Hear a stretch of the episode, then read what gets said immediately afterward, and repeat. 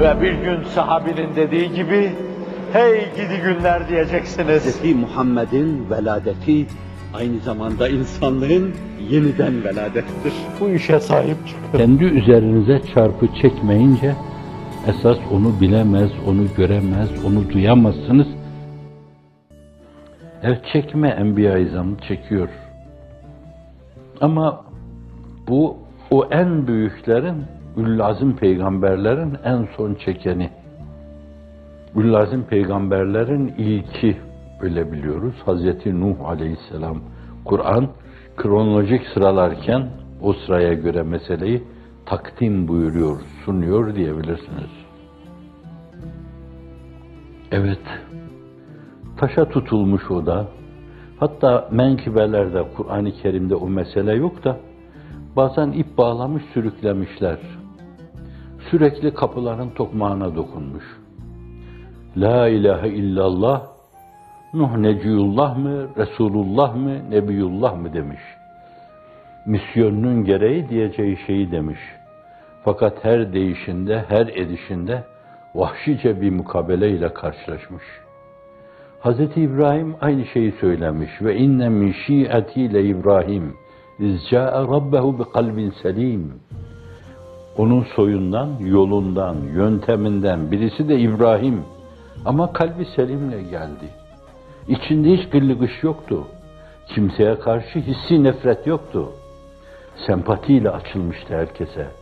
Şefkatle herkese teveccüh ediyor. Kucağım herkese açık diyordu. Ama ne yaptılar? Onların o batıl inançlarına karşı, itikatlarına karşı tavrını sergileyince bir ateş yaktılar, öyle cezalandırıyorlardı. Ateşe attılar onu da. Hazreti Hud'a ne yaptıkları belli değil. Hazreti Salih'e ne yaptıkları belli değil.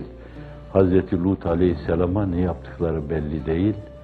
Hazreti Zekeriya'yı baştan aşağı testereyle kestiler.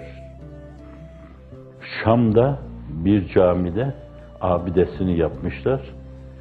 Biçildiği yer olarak abidesi orada Kıtmir'de gördü Şam'dan geçerken gördü ona da. Baba yetmedi diye evladı Hazreti Yahya'yı da şehit etmişler. Halazade Hazreti İsa'ya takılmışlar. Nasıralı genç diye sağda solda. Gönülleri hoplatacak sözler söylüyor.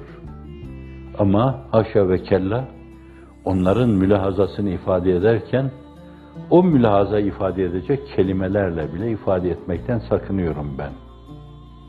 Evet, bilmem ne gibi yakın takibe alınmış adım adım. Girdiğini ihtimal verdikleri her kapıyı kırıyorlar. Her pencereyi kırıyorlar. Onu derdest etmek, yok etmek için. O günden bugüne o büyük insanlar eşeddün nâsi belâen el enbiya gerçeğinin bir yönüyle maruzu olmuşlar. Hep o şeye maruz kalmışlar ve bu halleriyle, bu tavırlarıyla, maruz kaldıkları şeylerle demişler ki, bu yol uzaktır, menzili çoktur, geçidi yoktur, derin sular var. Eğer onların yolundaysanız, onların başına gelen şeyler sizin de başınıza gelecek. Zira siz bu dünya için yaratılmadınız. Siz ebed için varsınız. İnsan ebedden ve ebedizattan başka hiçbir şeyle tatmin olmaz. Bin sene deseniz, iki bin sene deseniz, bitiyor mu bu zaman? İstemem ben onu. İşte istemeyeceğiniz şeylerden sizi uzaklaştırarak aynı zamanda ebediyen isteyeceğiniz bir yöne yönlendiriyor. Bunun için azıcık kulağınızı çekiyor öyle sayılır ona göre. Azıcık ensenize bir tokat vuruyor.